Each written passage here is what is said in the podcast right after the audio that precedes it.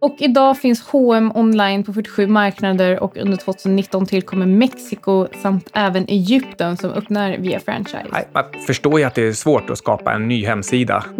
Du måste in i Wordpress, du måste välja, är ganska säker välja på att tema. H-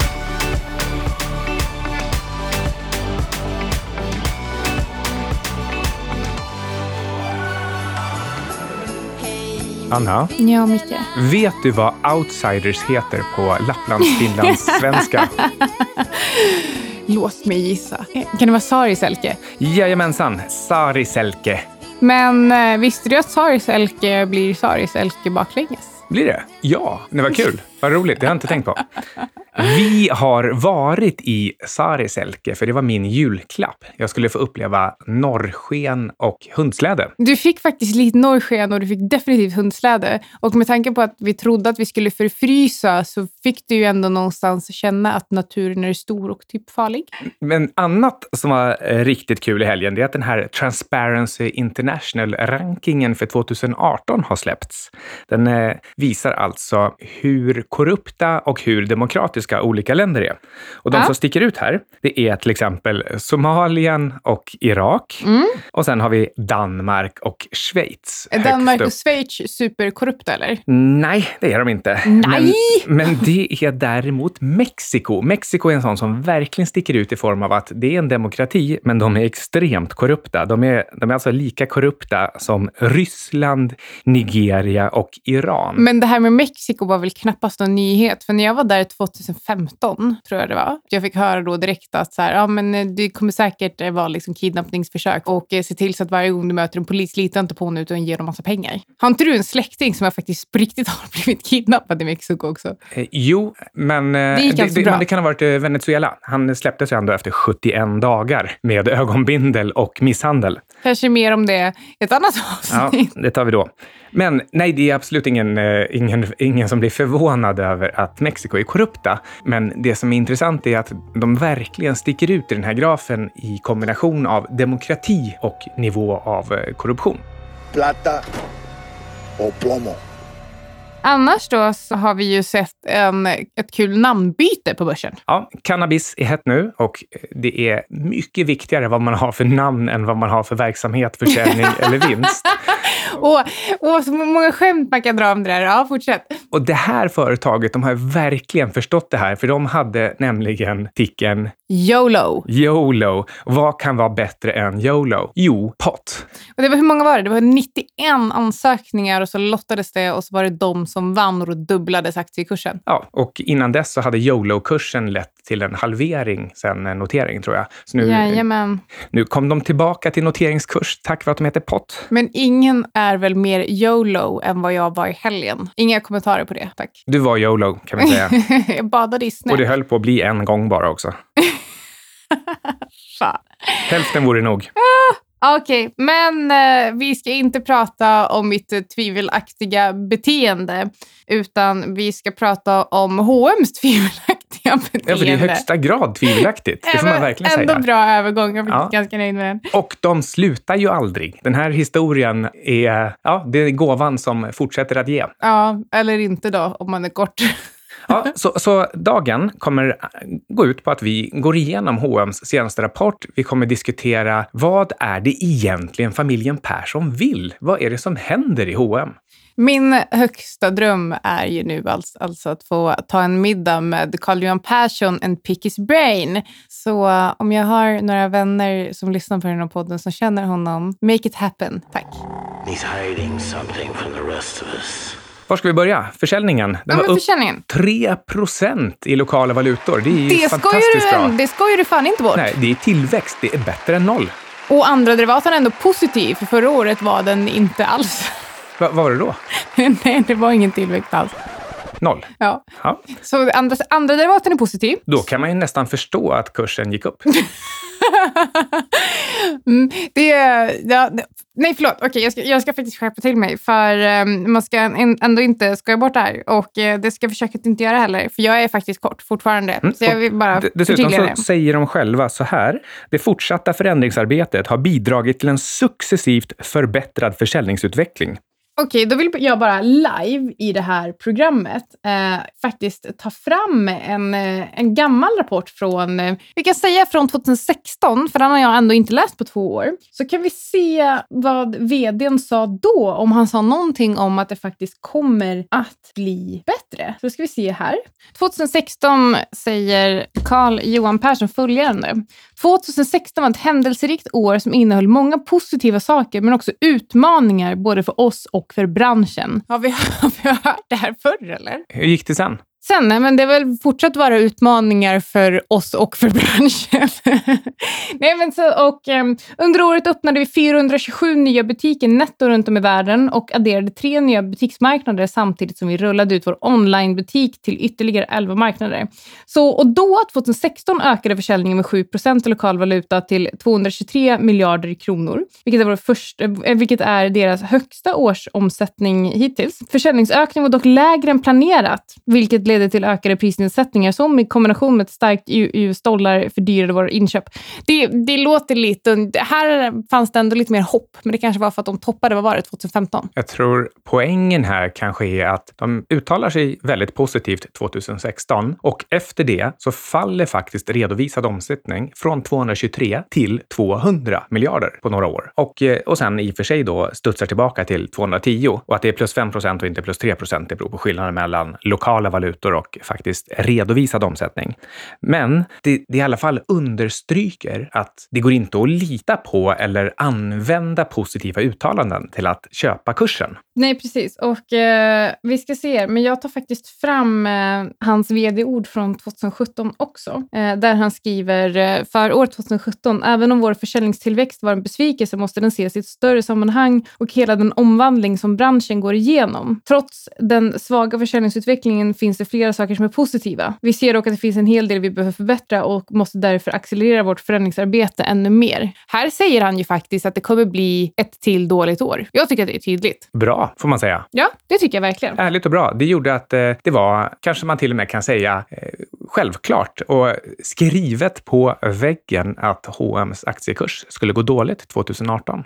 Ändå blev jag kallad efterbliven när jag sa att jag tror att deras bruttomarginal skulle falla ytterligare från eh, då över 55 procent till ett intervall inom 51 till 53 procent. Och jag fick så mycket skit för det. Ja, det är märkligt. För det var faktiskt eh, givet för och både ett och korrekt. två år sedan. Ja. För nu står den i eh, bruttomarginalen för 2018 var 52,7 procent, vilket jag tycker faller ganska bra in i den analys som jag gjorde. Öppet brev till alla hm analytiker som inte hade fallande marginal i sina prognoser. Ni är faktiskt eh, inte värda era jobb. Exakt. Men onlineförsäljningen är en positiv grej när det kommer till H&M. Och de, och de har pratat om det innan också, att det är det de satsar på. Och eh, onlineförsäljningen ökade med 22 procent och utgjorde 2018 14,5 procent i lokala valutor. Eh, och eh, det är mot 12,5 procent då för föregående år. Det här är ju jättebra. Det betyder att de faktiskt har en onlineförsäljning. Nej, men de, de är där på allvar. Det här är inga små volymer.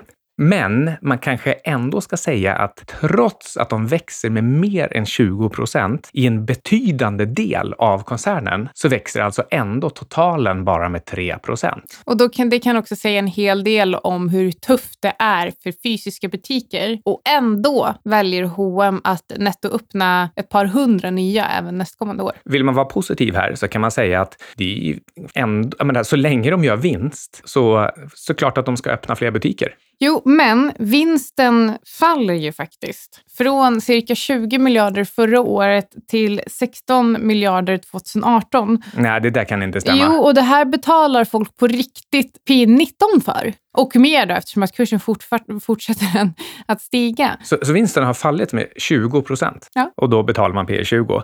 Det är ju något fel på de som köper H&M. Ja, det måste man alltså, ändå säga. Ja, men då hatar man pengar. Eller, eller så är det vi som är alldeles för tillbakåtblickande. Du måste se framåt. Ja, vad var det? Kepler-Chevreux som, eh, som sa att de är positiva till H&M för att man måste se bortom dagens brus. Och det enda jag hör är att de säger skit i siffrorna. Jag var inne på Hodla bara. Systembolaget idag efter att vi kom tillbaka från Sari Selke. Nej. Sari Selke betyder för övrigt serene på engelska. Och där inne så står det, eh, vi försöker inte göra vinst, eller någonting sånt. Att det, det är själva mottot. Så H&M håller på att bli ett kommunistiskt drivet bolag? Själva tanken som vi tror att vi ska komma fram till här i slutändan, Jag bara nu alltså. det är väl att eh, Stefan Persson ska bli ensamägare. Ja, eh, och framförallt att de faktiskt väljer att inte sänka utdelningen. Jag har kritiserat en hel, en, en hel del för att jag tycker att det är helt befängt att dela ut 200 procent av fria kassaflödet så att du alltså måste låna pengar för att ha råd att dela ut överhuvudtaget.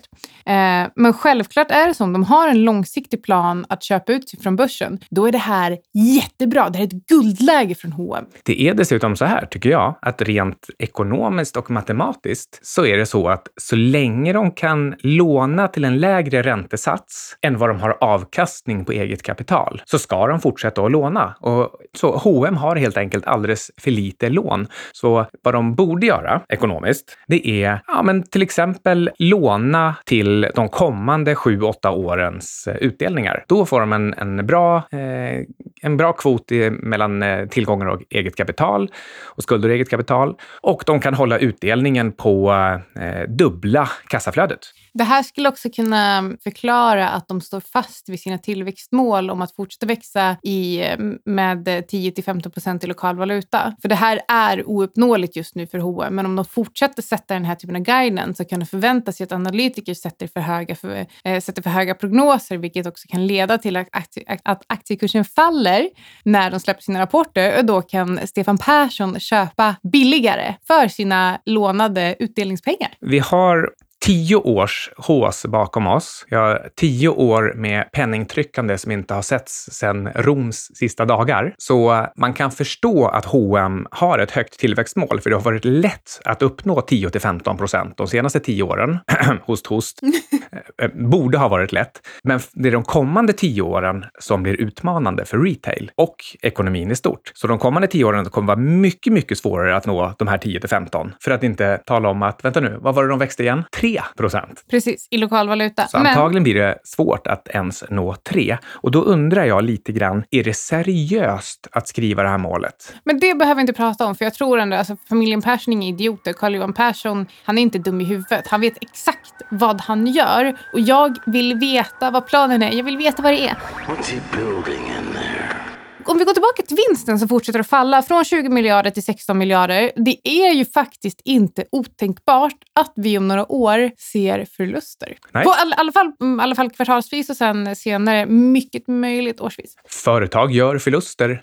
Och jag, och jag förstår att folk nu lyssnar på det här och tycker nej, fan nu har hon tappat det och det här är inte okej. Okay. Nu går hon för långt. Det är helt omöjligt. Eh, hon är efterbliven och så vidare. Allt, allting som ni sa redan förra året. Då. Och, och jag säger inte att H&M ska gå med förlust 2019 eller 2020 eller 2021. Jag säger bara att trenden pekar på att H&M potentiellt skulle kunna gå med förlust om de eh, fortsätter att inte ha kontroll på sina kostnader. Och det, är faktiskt ingen, det spelar ingen roll om omsättningen fortsätter växa. Jag menar, det här är inte tillväxtbolag vi tittar på.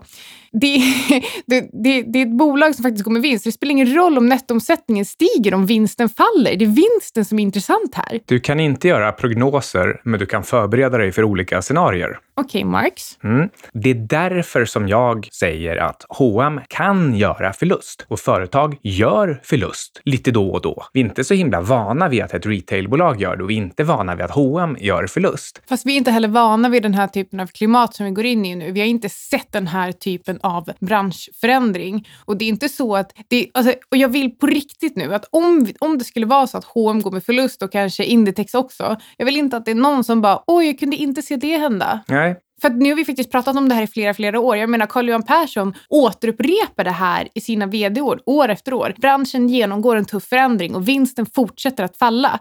Om det är någon sen som blir förvånad när vinsten går under noll, bara oj, det var konstigt. Mm. Det är absolut ingen rättighet för företag att göra vinst. Det är någonting som, som eh, kommer av en, eh, en kämpainsats och eh, smart analys av omvärlden, av att pressa kostnader, av att hitta nya intäkter. Och egentligen på alla de här punkterna så har har H&M visat sig vara riktigt dåliga. De famlar i mörkret. Och, och tittar man i rapporten, den senaste då, så radar de upp en massa saker där de tycker att de har gjort bra saker. Vet inte, vi kanske kan, eh, kan rulla fram till den och, och ta punkt för punkt. Då ska vi se här. H&M genomförde i alla fall ett framgångsrikt plattformsbyte i Tyskland under januari 2019. Därmed finns nu H&M's samtliga online-marknader på nya plattformen. Det var ju faktiskt extremt välbehövligt för H&M har ju inte haft någon som helst kontroll på eh, egentligen sin IT-infrastruktur. Så det är ett gott tecken skulle jag vilja säga. Det där är jättebra om det visar sig att plattformen fungerar och går att eh, sprida i resten av koncernen. Precis. Och eh, sen står det också så här. Starkare kollektioner och ökad fullprisförsäljning gör att bolaget för det första kvartalet 2019 räknar med cirka en procentenhet lägre prisnedsättningar och en fortsatt förbättrad varu, förbättring av varulagersituationen jämfört med föregående kvartal. Det här har de ju sagt innan. Just det här med varulager. Jag tar inte honom på orden. För nu varulagret steg igen, uppgick till 37 miljarder. Det är en ökning med 12 procent i svenska kronor jämfört med motsvarande tidpunkt förra året. Och eh, i lokalvaluta då 10 procent. Det är helt sjukt. I september när jag, jag stod i DI och kommenterade H&M's rapport live, eh, deras Q3-rapport. Och då säger H&M, nej, nej, nej. Eh, varulagersituationen är inom kontroll. Den är fullt hanterbar. Det är bara starka kollektioner och så vidare. och så vidare och så vidare. Det här har de sagt om och om och om igen. Eh, så jag kommer inte... Jag bara stänger helt av för den typen av kommentarer förrän jag ser att det kanske första kvartalet 2019 står mindre än 37 miljarder på varulagret. Jag tittar bara på siffror i, eh, i det här fallet. Hur, vad känner du? Jag försöker komma på vad den där generalen hette som alltid sa att det gick så himla bra. Någon i något Mellanösternkrig. Han, han alltid, alltid, alltid underströk det går grymt bra för oss. Det, det, känns som att det är samma sak här. De, eh, de säger alltid att nu sjunker varulagret, vi har full kontroll, det är mer värt än någonsin. Ja, eller det är ju mer värt än någonsin, för det är alltid högre än någonsin. Absolut. Så eh, jag, jag förstår inte varför de ljuger om det. Eh, för vem som helst kan ju se på siffrorna att varulagret inte går åt rätt håll. Jag tror att vi ska sluta säga att de ljuger. Jag älskar ju också att säga det, men jag tror att det handlar om att sitter du som vd för den här typen av bolag, det är klart att du inte kan gå ut och bara, nej, det är skit.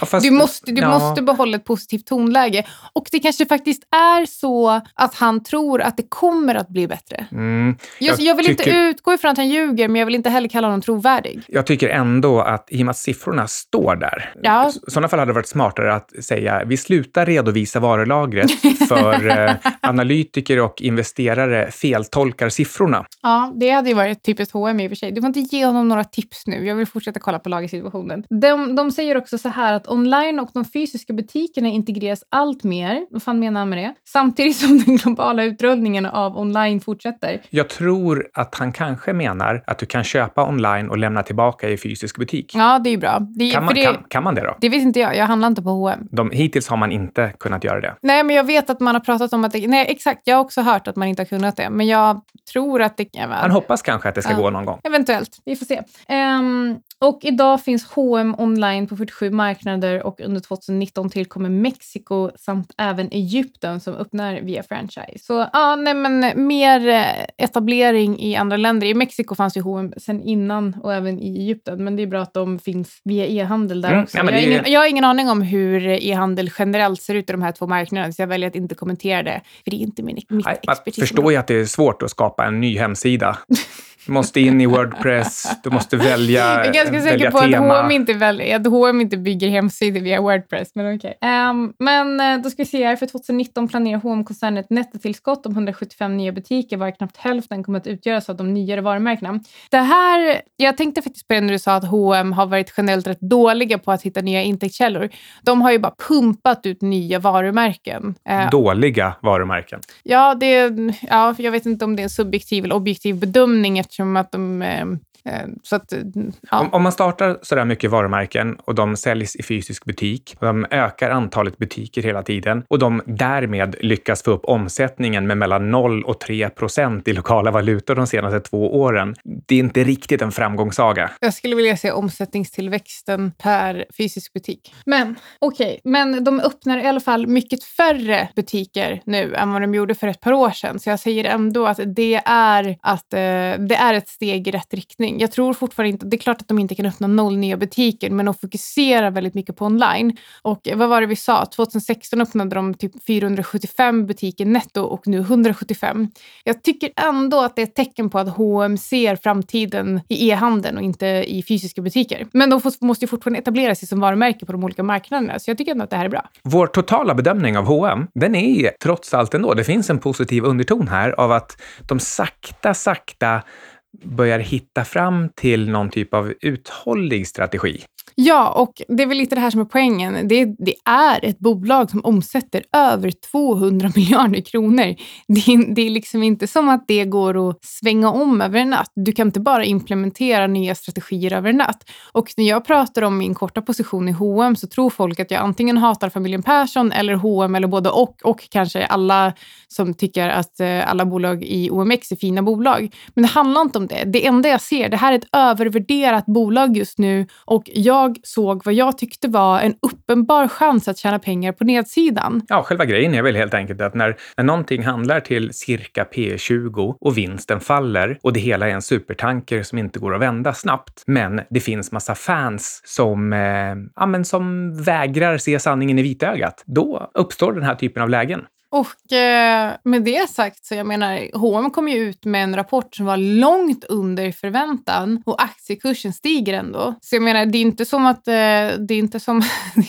så här, jag har haft rätt i min analys, men eh, utfallet har inte alls blivit som, eh, som det borde. Just eftersom marknaden inte är effektiv. Det är en, eh, det är en viktig lärdom. Att, eh, jag är fortfarande kort. Bara för att du har en bra prognos om vinstmarginal, vinst och omsättning så betyder inte det att man får helt rätt om aktien. Nej, och det här säger också en hel del om hur svårt det är att analysera bolag och det kanske man ska ta med sig idag. Eh, det är inte bara att hitta fina bolag och sen köpa aktien, utan förutom de här prognoserna och hitta, sätta rätt multiplar och, och allt vad det är, så, så måste det också stämma överens med verkligheten. Men jag skulle nog ändå vilja säga att eh, beteenden, beteendet på börsen just nu är väldigt likt liksom en hås, en bubbla. Det är allting är övervärderat idag. Förutom eh, ett eh, cleantech, cleantechbolag som du och jag nyligen har börjat titta på. En kommentar om H&M är att de har ju verkligen läst av stämningen rätt när det gäller utdelningar. Du och jag tycker att det är lite ja, konstigt och till och med ohederligt att dela ut dubbelt så mycket som det fria kassaflödet. Men samtidigt, vi hör från utdelningsmaffian att eh, de verkligen uppskattar det här och till och med enstaka personer som säger att jag behåller mina H&M så länge de behåller utdelningen. Och det verkar inte som att folk bryr sig så mycket om eh, ifall eh, aktiekursen i sig går ner med 20 kronor så länge de får sin utdelning om 9,75. Vi såg ju också jättehög direktavkastning. Ja, och vi såg ju till exempel också här i veckan hur eh, SSAB höjde utdelningen med 50 procent istället för väntade 40 procent. Och då steg aktien 10 procent trots att resultatet var so-so. Ja, nej, men det var någon som kommenterade att det här är shareholders value och eh, kortsiktigt, eh, ja, och långsiktigt jättebra för Stefan Persson om hans plan är att kunna köpa ut det här bolaget. Ja, vill man köpa ut det på P 20 så varsågod. Det är väl kanske inte riktigt någonting som jag hade rekommenderat. Men eh, med det sagt, blandad kompott eh, från oss angående H&M idag. Och eh, jag tror både du och jag är lite trötta efter den här helgen i Saris. Hur trötta vi än är så skulle vi ha köpt H&M om vi trodde på dem. Men på 140 så säger vi gör din egen analys själv och skyll inte på någon när du förlorar pengar på H&M. Det tycker jag låter eh, jättebra. Och jag vill också påminna, jag är den första som gärna köper H&M när jag tycker att det finns ett bra läge, för det är ett fantastiskt bolag och en riktig eh, klenod i Sverige, tycker jag. Men annars, stärkta av eh, Sariselke och, och eh, champagne. Och guldpriset det är ju senaste veckan. Ja, guldpriset och, och eh, även eh, vårt lilla favoritinnehav Gran Colombia Gold. Exakt. Och den 6 februari, vi spelar in det här den 2 februari, den 6 februari släpper Spotify-rapport. Det ser jag fram emot. Vi tänkte att vi skulle kommentera den i nästa veckas avsnitt. Det var allt vi hade för idag. Syding och Svan med Outsiders. Och eh, ja, men vi hörs igen nästa vecka så blir det lite mer aktiespecial. Ha det så bra.